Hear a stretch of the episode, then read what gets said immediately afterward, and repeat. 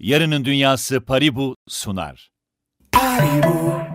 Paribu'nun katkılarıyla hazırladığımız yarının gündeminden herkese merhaba efendim. Ben Gözde Kuyumcu. Bugünkü programımızda tarım teknolojilerini konuşacağız. Malum yarının gündemi ve bu teknolojiler özellikle son yıllarda çok fazla gelişiyor, çok fazla hızlandı. Türkiye'de de bu anlamda ciddi yatırımlar yapılıyor ama tabii ki teknolojileri biraz böyle e, üstüne çize çize konuşmamız gerekiyor. Bize eşlik edecek olan isim Gebze Teknik Üniversitesi Biyoteknoloji Enstitüsü öğretim üyesi e, Doktor Ümit Barış Kutman hocamız bugün bizlerle hocam hoş geldiniz. Hoş bulduk. Az önce böyle e, yayından önce de konuşuyorduk. Dedim uzayda domates biber ekebileceğiz mi? Konu oraya kadar geldi. Aslında çok ileriye gitmeden de işte topraksız tarım, e, suda tarım, dikey tarım bilmiyorum yani bunlar birbiriyle benzeşiyor mu? Mu farklı mı ama önce böyle genel bir e, hep böyle bahsediyoruz teknoloji teknoloji diye. Tarım teknolojileri nedir? Kabaca bir tarif edin hocam bize. Peki şimdi e, şuradan başlayalım o zaman. E, tarım aslında geleneksel olarak sadece ülkemizde değil dünyada böyle e, biraz daha teknolojiden uzak, biraz daha doğayla bütünleşik, işte e, çok e, e, e, belki de derin bilgi birikimine ihtiyaç duyulmadan yapılan bir aktivite olarak görüle gelmiş. Böyle bir anlayış var e, e, toplumlarda genel olarak. Bu anlayışın tabii aslında değişmesi icap ediyor. Çünkü bu çok doğru bir yaklaşım değil. Hani e, e, rekabetçi bir şekilde kısıtlı alanda yüksek verim alabilecek ve bunu da sürdürülebilir bir şekilde yapacak şekilde e, bitkisel ve hayvansal üretim faaliyetleri yapabilmemiz için bizim teknolojiden yoğun biçimde faydalanmamız gerekiyor ve teknolojiyle doğanın aslında e, böyle bir e, e, içsel bir karşıtlık içerdiği yanılgısını da tamamen bir kenara koymamız gerekiyor. Çünkü günümüzde bahsettiğimiz teknolojiler artık sadece verimlilik odaklı değil, aynı zamanda sürdürülebilirlik odaklı ve çevre odaklı teknolojiler aslında. Yani biz yüksek teknolojiyi kullanmadan e, e, kısıtlı kaynakları etkin olarak da kullanamıyoruz. Dolayısıyla e, hem gıda güvencemiz e, tehdit e, altına giriyor e, hem de ister istemez e, daha fazla e, e, tasarruflu bir şekilde kullanamamaktan ötürü kaynaklarımızı daha fazla zarar veriyoruz doğaya. Dolayısıyla Aslında su kıtlığı mesela konuşuluyor. En çok da tarımda vahşi sulamada değil mi? Yani halen de o geleneksel yöntemlerle Var. vahşi sulama yapılıyor bizde maalesef. Yapılıyor maalesef. Yani e, tabii böyle biraz uzaktan eleştirmek de kolay. Değil mi? Sebeplerini de anlamaya çalışmak lazım. Ee, burada e, bunun sebebi hala uygulanıyor olması acaba ne kadar eğitimsizlikten, bilgisizlikten, ne, bilinçsizlikten, e, ne kadar ekonomik imkansızlıklardan e, e, bunu da sorgulamak gerekiyor. E, ama şu bir gerçek ki aslında çok maliyetlere katlanmaksızın e, yapılabilecek, devlet desteğiyle yapılabilecek bazı basit e, e, iyileştirmelerle hı hı. çok ciddi verimlilik artışları elde edilmesi mümkün. Verimlilik derken sadece daha fazla üretim yapmayı kastetmiyorum. Yani rekolte artışı gibi Sadece onu söylemeye çalışmıyorum. E, e, mutlaka kaynakların etkin kullanımı hı hı. hususu da zaten sürdürülebilirlik açısından bugünün olmazsa olmaz bir konusu. Peki böyle başlıkları ayırabiliyor muyuz? Mesela tarım teknolojileri deyince neler var alt başlıklarında? Saymakla bitmez, bitmez. ama yani e, bunun aslında bir, bir kitabi bilgi olarak e, standart bir klasifikasyonu Hı-hı. yok. Ama hani aklımıza gelen bazı anahtar sözcükleri bu bağlamda ifade etmek gerekirse e, akıllı tarım diyoruz. Hı-hı hassas tarım diyoruz. E, İkisi toprak... farklı kavramlar mı? Kısmen örtüşüyor. Bu söyleyeceğim e, e, alanların hepsinde kısmi e, e, örtüşmeler var. Ama aslında e, e, farklı olan tarafları da var. Sonra ee, açalım o zaman onları. Olur tabii Peki. ki. Ondan sonra topraksız tarım, e, dikey tarım e, yine tarım teknolojileri deyince günümüzde en popüler başlıklardan bir tanesi e, e, bitki besleme ürünlerinde yaşanan bazı çok önemli gelişmeler var. Dolayısıyla onlarla ilgili yeni teknolojiler, yeni ürünler, işte biyostimülantlar gibi, mikrobiyal gübreler gibi e, e, ürünler var. Bunların geliştirilmesi ve uygulanması ile ilgili teknolojiler de e, giderek önem kazanıyor. Evet dolayısıyla bu isterseniz akıllı tarım sistemlerini bir açalım. Yani akıllı tarım deyince ne anlamamız gerekiyor? E, yüksek teknoloji olduğunu elbette ki anlıyoruz ama neden akıllı deniyor bunlara mesela? Şimdi akıllı tarım uygulamalarında e, bir kere işin özü veri toplamaya dayanıyor. Ve hı hı. bu verileri e, sadece e, insan aklıyla değil teknolojiyi kullanarak, e, bilişim teknolojilerini kullanarak, nesnelerin internetini kullanarak bir araya toplamak ve bunları yorumlamaya dayanıyor. Hatta e, bu yorumlama kısmı eskiden yine daha manuel olarak giderdi. Hala da fiili uygulamalarda burada. Ama bugün geldiğimiz noktada yine çok popüler bir kavram var. Her sektörde artık konuşuyoruz bunu. İşte makine öğrenmesi diyoruz, derin öğrenme diyoruz. Değil mi? E, yapay zeka diyoruz. Bunların da tarımda uygulamaları giderek öne çıkıyor. E, dolayısıyla özellikle büyük veri setlerinden öğrenmek ve bunları yorumlamak karar alma mekanizmalarını kolaylaştırmak noktasında e, bizim e, bu yapay zeka teknolojilerden de yararlanmamız gerekiyor ve bununla ilgili çalışmalarda e, en azından literatürde diyeceğim hani hı hı. fiili uygulamalarda henüz çok çok yaygınlaşmamış olsa da literatürde yaygınlaşıyor. Yani şöyle bir örnek vereyim e, e, çok belki klişe gibi gelecek Hollanda diye başlayacağım tarım deyince ister istemez bu, bir şekilde bir yerden değil. bu örneği vermeden ama, asla olmuyor evet, doğru. E, ama e, ben bir üniversite üzerinden gideceğim Kesinlikle. aslında ülkeden ziyade e, orada Wageningen Üniversitesi vardır hani dünyada tarımda e, bir numaralı üniversiteler arasında yer alır. Mesela orada yapılan e, e, bir çalışmada bu e, e, dijital ikiz dediğimiz yaklaşımı e, e, sera domateslerini uyguladılar. Hı hı. Yani bir e, e, modern bir topraksız e, serada yetiştirilen domatesin e, e, çevresel faktörlere vereceği tepkileri, e, sizin yapacağınız uygulamalara, gübrelemelere, sulamalara, iklim kontrolü e, konusundaki uygulamalara vereceği tepkileri e, aslında simüle edebilecek bir sistem dijital ikiz dediğimiz şey ama e, daha önce hangi sektörlerde uygulandı denince daha ziyade işte inşaat sektöründe ya da e, ya da endüstride yani fabrikasyon konularda daha ziyade uygulamaları var bugüne kadar ama bunun bile artık tarımda uygulamaları başlıyor. Çünkü şeyi öngörmeniz gerekiyor. Hassas bir tarım yapmaya çalışırken verimlilik odaklı, rekabetçi bir şekilde, sürdürülebilir bir şekilde yapmaya çalışırken bunu hele ki kontrollü bir ortamdaysanız bir sera gibi, modern bir sera gibi ya da bir kapalı mekan tarım tesisinde, dikey tarım tesisindeyseniz o zaman e, e, sıcaklığı 23'e mi set edeyim, 23.5'a mı ayarlayayım yahut işte e, nemi %60'dan %70'e çıkarırsam ne olur? İşte yapraklarda şöyle bir leke görünmeye başlandı. Bu hmm. acaba bir patojenden mi bir hastalıktan mı kaynaklanıyor yoksa besin eksikliği mi? Ben hmm. bunu kötülemeden vaziyeti kurtarmak istiyorsam acaba hangi parametreyi nasıl değiştirebilirim? Bununla ilgili kararları vermek e, bazen göründüğü kadar tahmin edildiği kadar kolay olmayabiliyor. E, işte o noktada bir kere çok sağlam toplanmış, çok farklı sensör teknolojilerinden yararlanarak toplanmış e, veri setlerinizin elinizde olması lazım ama eğer bir büyük veri söz konusu ise bu büyük veriyi malum insan aklıyla yorumlamak da giderek imkansız hale gelmeye başlıyor bir noktada. Orada da işte yapay zekadan destek almanız gerekiyor. Bu tabi insan faktörünün önemsizleşeceği ya da önemsizleştiği hmm. anlamına da gelmiyor. Hep öyle bir algı ee, var ama evet. yapay zeka deyince böyle bir durup evet. düşünülüyor. İşsiz evet. mi kalırım falan diye. Biz bunun evet. hatta çok tartışmasını yapıyorduk. Bu Valla tarımla uğraşanlar o açıdan rahat olsun. Tüm projeksiyonlara göre e, ne kadar çok teknolojiden yararlanırsak yararlanalım e, tarımsal faaliyetler için hatta yani tarım makinelerinin kullanımı için bile insan faktörü her zaman e, yani öngörülebilir gelecekte önemli olmaya devam edecek. O orada bu teknolojiyi asla bir tehdit olarak görmemek gerekiyor. E, Aslında dediğiniz gibi bu hani teknolojileri tabii düşününce aslında aslında bir noktada işte geleneksel yöntemle hala üretimler yapılan olduğunu bildiğimiz için hı hı. ne kadar ilkeliz diye böyle bir sorguluyoruz değil mi? Yani o işte e, yakın gelecek dediniz ya ya da öngörülebilir gelecek. Çünkü işte birçok şeyi aslında e, aynen böyle işte bir fabrikada üretir gibi hani seri halde ve yüz ölçümüne bakmadan yine işte Hollanda'ya ben oradan bir evet. tatlı bir atıfta bulunayım. e, ama şimdi tabii nüfus artıyor. Dolayısıyla önümüzdeki dönemde gıda güvenliği burası çok hassas bir konu. Belki her şeyi başarabiliriz ama gıdayı çözemezsek değil mi burada gıda güvenliğini e, önümüzdeki yıllarda çünkü bir şeyin azlığı işte enflasyon olarak yıllar içerisinde böyle e, dönüşümlü geliyor.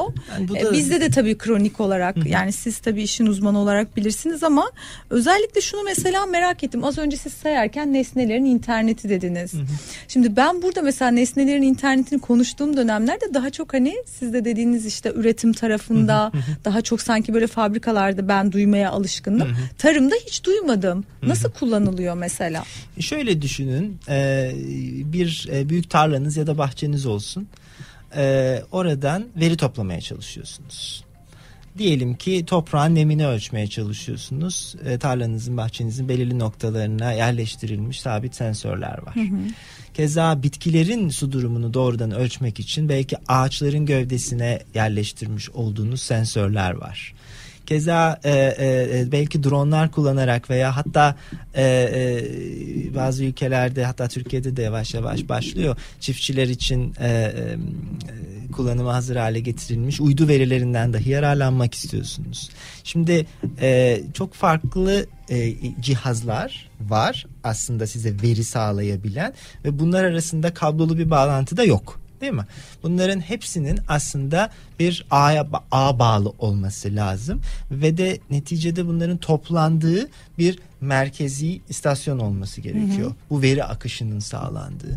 Orada da e, e, ister manuel ister yapay zekadan yararlanarak e, bir karar alma mekanizmasının işletiliyor olması gerekiyor. Bu anlamda aslında her ne kadar kulağa böyle e, e, tarımla e, ilk bakışta çok bağdaşmayacak, çok böyle e, e, biraz gelecekten gelen bir teknoloji algısı da e, e, oluştursa aslında hiç öyle değil. E, belki de hatta o kadar göz, gözde büyütülmemesi gereken de bir konu. Özellikle tarımla uğraşan e, nüfusun dünyada e, e, hem ekonomik açıdan e, e, hem e, e, sosyal olarak bazen dezavantajlı gruplar olabildiği gerçeğini de düşündüğümüzde böyle teknolojiyi çok fazla ön plana çıkardığımızda insanları korkutuyoruz bazen. Hı hı. Yani e, nasıl yapacağız biz bu işi?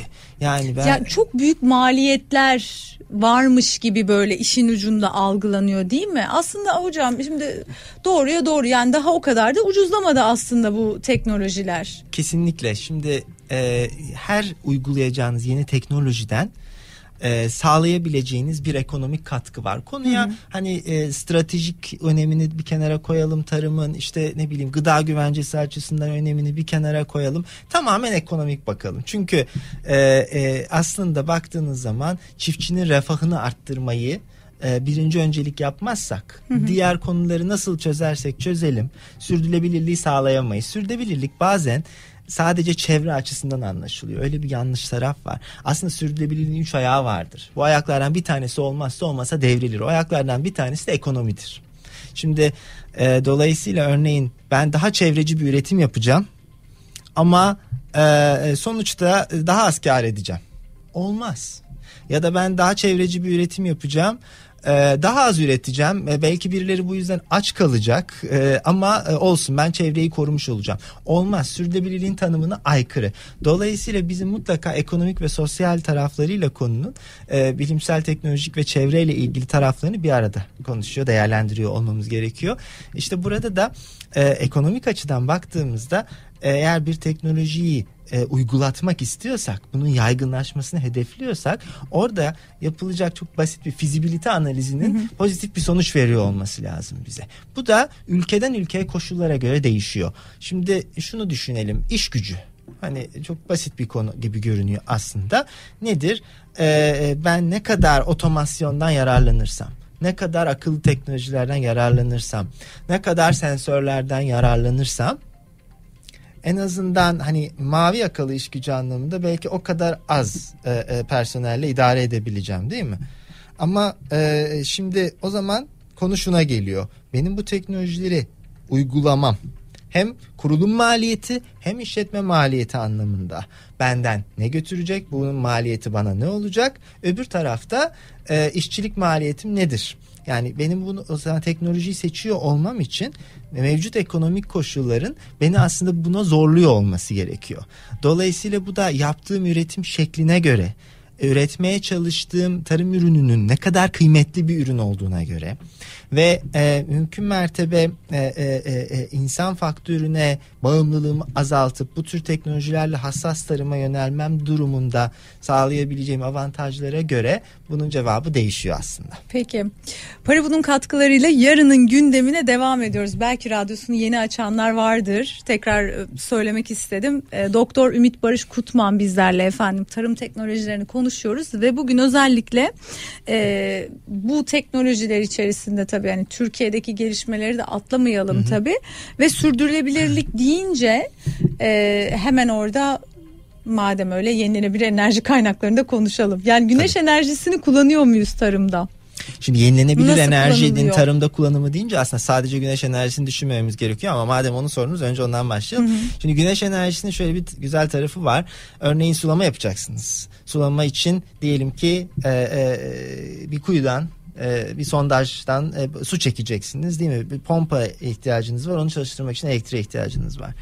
Belki o pompanın elektriğini şebekeden almak sırf onun için bir güneş enerjisi e, e, e, paneli yerleştirmeye hı hı. göre ucuza bile gelebilir. Ama bunun sağlayacağı şöyle bir avantaj var. Onu dikkate almak gerekiyor. Bunu istediğiniz herhangi bir noktada şebeke bağlantısı yapmadan yapabiliyorsunuz. Nasıl? O çok iyi bir şey. Yani siz e, e, kendi e, e, küçük ölçekli ihtiyacınızı karşılayacak gibi bir yenilenebilir enerji şeyi kurduğunuz zaman kendinize bir güneş e, e, tesisi kurduğunuz hı hı. zaman orada e, e, şebeke bağlantısına ihtiyaç duymaksızın kendi ihtiyacınızı karşılayacak elektriği üretme şansınız var. Keza aynı şekilde e, e, bu artık güneş enerjisinin rüzgar enerjisiyle bir arada kullanılması da gittikçe fazla gündeme geliyor. Hatta e, rüzgar enerjisinin e, güneş enerjisine göre şöyle bir avantajı var. Rüzgar gece de esebiliyor. Ama gece e, güneş enerjisi yok. Dolayısıyla ikisinin e, belki hibrit bir modellemesi de evet, olabilir evet, değil mi? Evet, evet. Yani bunun örnekleri yavaş yavaş başladı zaten. Tamamen enerji üretimine yönelik olarak baktığımız zaman Nerede güzel yoğun örnekleri kullanılıyor var. hocam bu arada? Bölgesel olarak yani Türkiye'de hani dedim ya mesela bölgesel olarak var mı? İşte yoğun olarak e, Tarım özelinde mi soruyoruz tarım yoksa? Tarım özelinde teknolojiler mesela bildiğiniz bölgeler. Yenilenebilir enerji teknolojisi olarak. Hem o hem genel teknolojilerin yoğun kullanıldığı. Yani belli bölgeler tamam, var evet. mı diye merak ettim. İkisini yine de ayrı cevaplamaya çalışayım. Şöyle Hı-hı. şimdi güneş enerjisinin kullanımı deyince e, genel anlamda güneş enerjisinden faydalanarak elektrik üretmek deyince hı hı. aslında e, İç Anadolu'nun pek çok bölgesi biçilmiş kaftan oluyor. Neden? Çünkü e, çok da verimli olmayan işte çok kurak, tuzlu yani e, toprağın derin olmadığı e, birçok arazi var. Dolayısıyla o bölgeler tarım arazisi olarak sınıflandırılmıyor bile. Zira e, bakanlığımızın yaptığı çok doğru bir uygulama var. Hani tarım arazisi statüsünde olan bir yere çok özel koşullar gerekler dışında aslında böyle bir e, santral kurmanıza da izin vermiyor. Bu Hı. önemli bir şey çünkü yoksa tarım e, arazilerini kaybetmiş oluyorsunuz. Tabii. Onun için tarımsal niteliği olmayan arazilerde Orada geniş prosedürler zor zaten değil mi? yani zor demeyelim ama evet Hı-hı. yani e, net diyelim. Net. E, e, o önemli bir husus. E, dolayısıyla işte Konya bölgesinde örneğin e, e, özel, e, şeyler var. E, büyük güneş santralleri var. E, Birçok örneği var İç Anadolu'da. Ama genel olarak tarımda teknoloji kullanımı nerelerde hı hı. E, ön planda diye bakarsak Türkiye'de o ister istemez e, e, hem sosyoekonomik gelişmişlik düzeyiyle bölgelerin e, orantılı bir dağılım gösteriyor hem de hangi bölgelerin tarımsal üretim faaliyetlerinde öne çıktığına da bağlı. Şimdi e, e, Ege ve Akdeniz bölgesi özellikle modern seracılığın ve sadece seracılık da değil açık alan tarımını da düşündüğümüzde e, e, bahçeciliğin e, e, çok yaygın olduğu e, Türkiye için kıymetli birçok ürünün yaygın yetiştirildiği bölgeler e, çiftçilerimizin tabi genellemiyoruz ama yani tabii. ben e, e, eğilim olarak söylüyorum e, çiftçilerin refah düzeyinin nispeten daha yüksek olduğu bölgeler buralar. Hı hı. E, dolayısıyla hani e, e, bu bölgelerde modern seralara da daha çok rastlıyoruz. E, açık alanda e, teknolojik e, tarım yapılması ile ilgili de faaliyetlerin bu bölgelerde evet. daha fazla olduğunu söyleyebiliyoruz ama bir de kent tarımı var. Hmm. Şimdi e, aslında yeni gündemimiz biraz hatta geleceğin gündemi e, dersek e, e, hızla kent tarımına doğru gidiyor. E, bu Covid'den sonra bu çok daha ön plana çıktı. Daha Ee, yakın değil mi? Erişilebilir hemen hızlı. Aslında ben az önceki soruyu da iklim değişikliği adına sormuştum. Yani hani hangi bölgeler daha işte bu e, yatırımları yapmak manalı ya da hani öyle bir trend var mı diye.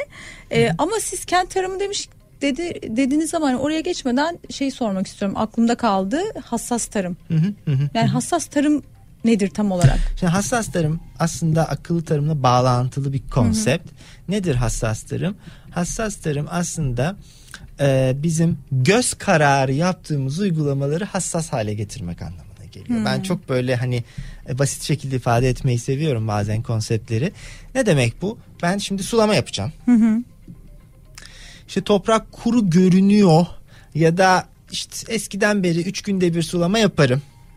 İşte açarım vanayı yarım saat su akar. Yeterince ıslak görününce kaparım. Bu şimdi geleneksel e, e, e, iptidai yöntem diyelim. Tabii. Sulamanın ne şekilde yapıldığından da bağımsız söylüyorum bunu. İster e, e, salma sulama yapılsın, ister damla sulama yapılsın, ister fıskiyeler kullanarak sulama yapılsın ama e, hassaslaştırmak istiyorsak bu uygulamayı veriye dayandırmamız gerekiyor. Şimdi mesela ben toprağa bakarak kurumuş herhalde artık sulama zamanı geldi demeyeceğim o zaman. Ne yapacağım? Belli ölçümler yapacağım. O veriler akacak bana. Diyeceğim ki tamam şimdi zamanı.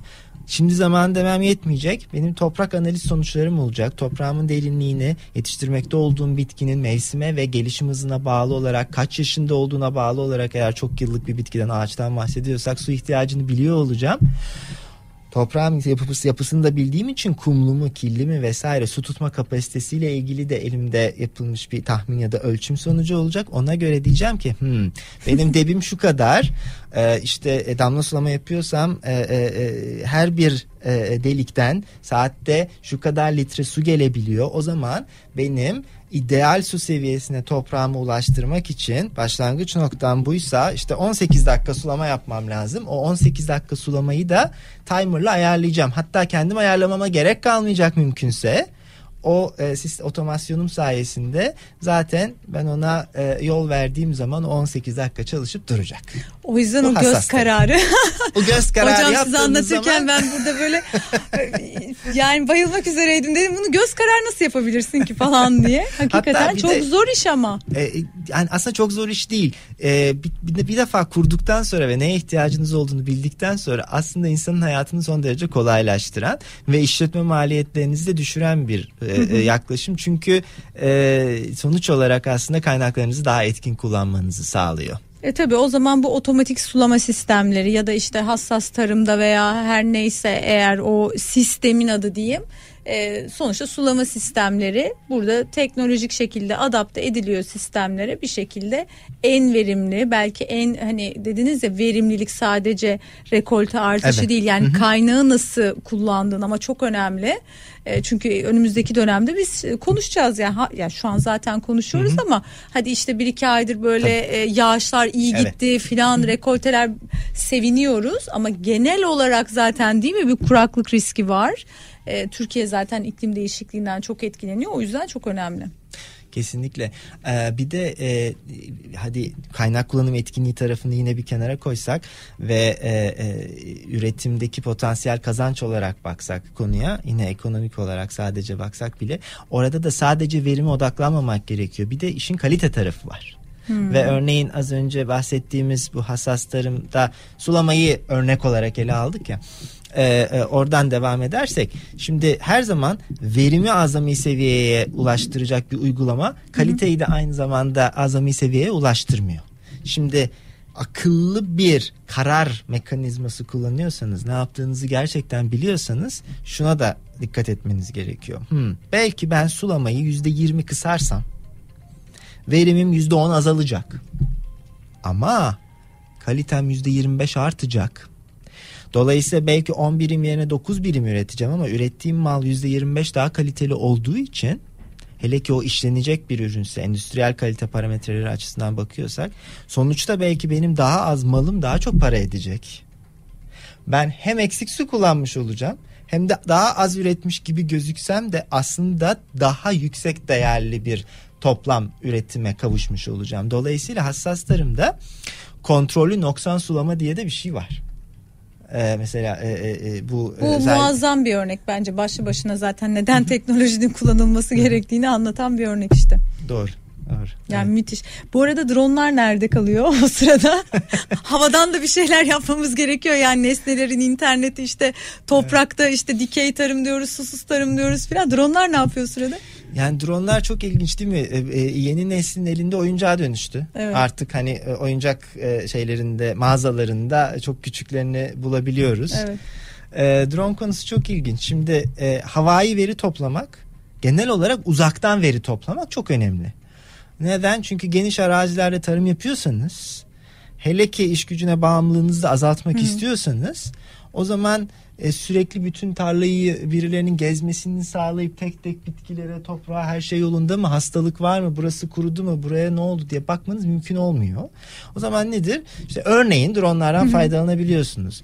Ama işte uydu verilerinden de faydalanabiliyorsunuz. Yani bunun aslında çok farklı yüksekliklerden yapılabilen versiyonları var diyelim. Drone nispeten yakından bir uzaktan algılama Ama yöntemi. bunun için özel bir takım dronlar var değil mi? Kesinlikle. Bu bildiğimiz dronlarla olmuyor sonuçta. Şimdi orada da şöyle bir sıkıntı var. Fiili uygulama açısından Hı-hı. söylüyorum. Aslında potansiyel çok büyük, çok heyecan verici bir araştırma konusu. Buradaki yerli girişimleri de takdirle izliyoruz. Ee, ancak e, e, e neden gerçekte çok yaygın kullanıma hele ki Türkiye gibi Hı-hı. ülkelerde giremedi henüz diye baktığımız zaman iki tane engel var. Birincisi güvenlik ee, hatta üç diyelim. Evet üç demek daha doğrusu olur. Birincisi güvenlik, ikincisi maliyet, üçüncüsü mevzuat. Şimdi Hı. güvenlikten kastımız nedir? Ee, büyük dronlar aslında e, e, bir kaza yapması halinde bir düşme durumunda vesaire e, e son derece tehlikeli olabiliyorlar. Yani neticede bir hava aracından bahsediyoruz. Üstelik Tabii. azımsanacak bir büyüklüğü ağırlığı da olmayan hava araçlarından bahsediyoruz. Bunları gerçekten bilen kişilerin mevzuatlara uygun bir şekilde hı hı. güvenli şekilde uçurması gerekiyor. Bununla ilgili de e, e, e bazı e, korkular var açıkçası e, toplumda. İkincisi e, ekonomik taraf maliyet konusu. Dronlar şu anda özellikle uzun menzil uçuş kapasitesine sahip ve de ilaçlama gibi uygulamalarda kullanılabilecek e, büyük ölçekli büyük hacimli depoları taşıyabilecek kapasitede olanlar çok pahalı. Özellikle e, veri toplamak için kullanılan bazı yüksek teknolojileri kameraların kendileri de çok pahalı ve e, maalesef e, bu, bu, bu kameralar konusunda da ağırlıklı olarak e, e, dünya birkaç ülkenin özellikle uzak doğudaki nispeten düşük maliyetli üretim yapanların e, tek elinde. E, üçüncü konuda e, dediğim gibi mevzuat. Şimdi siz yasal olarak drone uçurup e, bahçenizde tarlanızda kullanmak istiyorsanız şöyle bir sıkıntı var. O drone'u kaldırmak için hmm. izin almanız gerekiyor. E, aynı bir uçak kaldırmak için izin almanız gerektiği gibi. Başvuruyorsunuz. O izin sürecinin sonuçlanması bazen bir gün, bazen üç gün, bazen bir hafta sürüyor. Aldığımız bilgiler hep bu yönde. E, iyi de e, üç gün sonra izin çıktı diyelim. E, o gün hava koşulu artık uygun olmayabiliyor. Mesela o gün tesadüfen hava rüzgarlı e, drone'unu kaldıramıyorsun. E ne oldu şimdi? Eğer senin üretimin o drone'la yapacağın ilaçlamaya bağlıydıysa geçmiş olsun. Ya e, onun için fiili uygulamalarda e, e, her bu, kalkışta mı izin alınması gerekiyor? Her kalkış, her uçuş için aynı bir e, uçağın, bir helikopterin hmm. e, kalkıp inmesi gibi belli kapasitenin üstünde büyüklüklerdeki dronlar için konuşuyoruz. Anladım. E, bunlar izne tabi. Orada da bir düzenleme işte, belki değil e, mi? Şu anda e, ciddi gecikmeler hmm. yaşandığı için e, kullanımda olan tarımsal dronların birçoğu maalesef kayıt dışı olarak kullanılıyor. Hmm. Bu da aslında güvenlik risklerini de arttırıyor. Çünkü kontrolsüz bir şekilde uçmuş Tabii. oluyor. Ama o yani başka türlü de mevzuata takılıyor. Adam işini belki de yapamıyor. Evet, orada bir şekilde da bir orada da bir dilenme gerekiyor. var. Peki Hı. o zaman son sorum olsun mu? Son Nasıl bir iki dakikamız. ee, diyeyim ki tarım sektöründe şu anda mevcut durumda en elzem yani bu işin içinde bu işi en iyi bilen biri olarak ne yapılması gerekiyor? Yani hangi yatırım sizin gördüğünüz özellikle hani burada en önemli yatırımları merak ediyorum. Teknolojik tarımdan mı bahsediyoruz? Evet. Evet. O zaman e, e, ben biraz tabii belki kendi çalışma alanımız olduğu için daha sempatik bakıyorum konuya diyebilirsiniz ama e, bir yatırımcı gözüyle de bakıyorum, bir e, araştırmacı gözüyle de bakıyorum. Hı hı. E, işte e, Covid döneminde hepimizin öğren daha maalesef acı tecrübelerle öğrendiği yerel gıda güvencesinin önemi açısından da bakıyorum her açıdan baktığımda teknolojik tarımda şu anda ülke olarak en e, çok yatırım yapmamız gereken konulardan bir tanesinin topraksız dikey tarım uygulamaları olduğunu düşünüyorum. Kent tarımı bağlamında burada çok ciddi bir potansiyel var. Ee, e, ülkemizde de bu anlamda e, e, bazı güzel gelişmeler e, e, aslında oluyor. E, e, biz de üniversite sanayi işbirliği kapsamında da e, yerel girişim yerli e, girişimlerle birlikte bu alanda çalışmaktayız. Ticarileşen örneklerimiz de mevcut. E, bu anlamda e, burada önemli bir potansiyel var. E, Tarım Bakanlığı da bu konuya e, e, geçtiğimiz e, yıllardan beri artan bir önem vermekte. Mevcut mevzuatlar e, örtü altı tarım denince geleneksel olarak hep seracılığı kapsardı. Şimdi kapalı mekan tarımını da kapsayacak şekilde de düzenlemeler yapılıyor. Bununla ilgili devam eden projeler de mevcut. Mevzuata yönelik projeler. E, buna önemli gelişmeler çünkü e, e, en büyük korkumuz nedir e, kentli insan olarak tabii en büyük korku aslında aç kalmak ama hadi aç kalmadığımızı düşünelim şu anki koşullarda olduğumuzu düşünelim ee, e, en azından ekonomik olarak gücümüz varsa gıdaya erişebildiğimiz bir lüks içindeyken diyelim bu bir lüks çünkü bunun bir lüks olduğunun Hı-hı. farkında olmamız lazım aslında ee, ama bu koşullarda belki kentli ve sağlığına önem veren insanın en büyük endişelerinin başında ne geliyor? Bu yapılan üretim benim sağlığıma bir tehdit arz ediyor mu? Üstünde tarım ilacı kalıntıları var mı? Ve aslında çevreye ne kadar zarar veriyor bu üretim yapılırken yarın öbür gün benim çocuklarım, benim torunlarım da e, hala yiyecek bir şeyler bulabilecekler mi? Şimdi Aynı bunları, gıdaya erişecek mi? Tabii. Evet. Şimdi bunları bir araya koyduğumuzda Hı-hı. aslında bilinçli yapılan, bilimsel olarak argesi yapılan dikey tarım çözümlerinin e, her tarım ürünü için tabii ki değil ama belli ürünler için kentlerde yoğun olarak tüketilen e, otsu bitkiler, yeşillikler vesaire için muazzam çözümler e, sunabildiğini, tamamen e, e, e, tarım ilacı kullanılmaksızın üretim yapılabildiğini ve de e, üretilen ürünlerin e, e, standart bir içeriğe sahip olabildiğini, hı hı. dolayısıyla e, gönül rahatlığıyla tüketilebilecek ve kaynak kullanım etkinliği açısından da çok yüksek sistemler olduğu için bunlar e, e, su kullanım etkinliği, gübre kullanım etkinliği açısından çok e, e, özel e, potansiyele sahip sistemler olduğunu ifade etmemiz gerekiyor. Peki. Doktor Ümit Barış Kutman çok teşekkür ediyorum. Geldiğiniz ben teşekkür için ediyorum, ağzınıza için. sağlık. Çok Bugün Gebze Teknik Üniversitesi Biyoteknoloji Enstitüsü öğretim üyesi Doktor Ümit Barış Kutman'ı ağırladık efendim. Paribu'nun katkılarıyla derlediğimiz yarının gündemini burada noktalıyoruz ama önümüzdeki hafta yine benzer içeriklerle yine karşınızda olacağız. Hoşçakalın. Yarının Dünyası Paribu sundu. Paribu.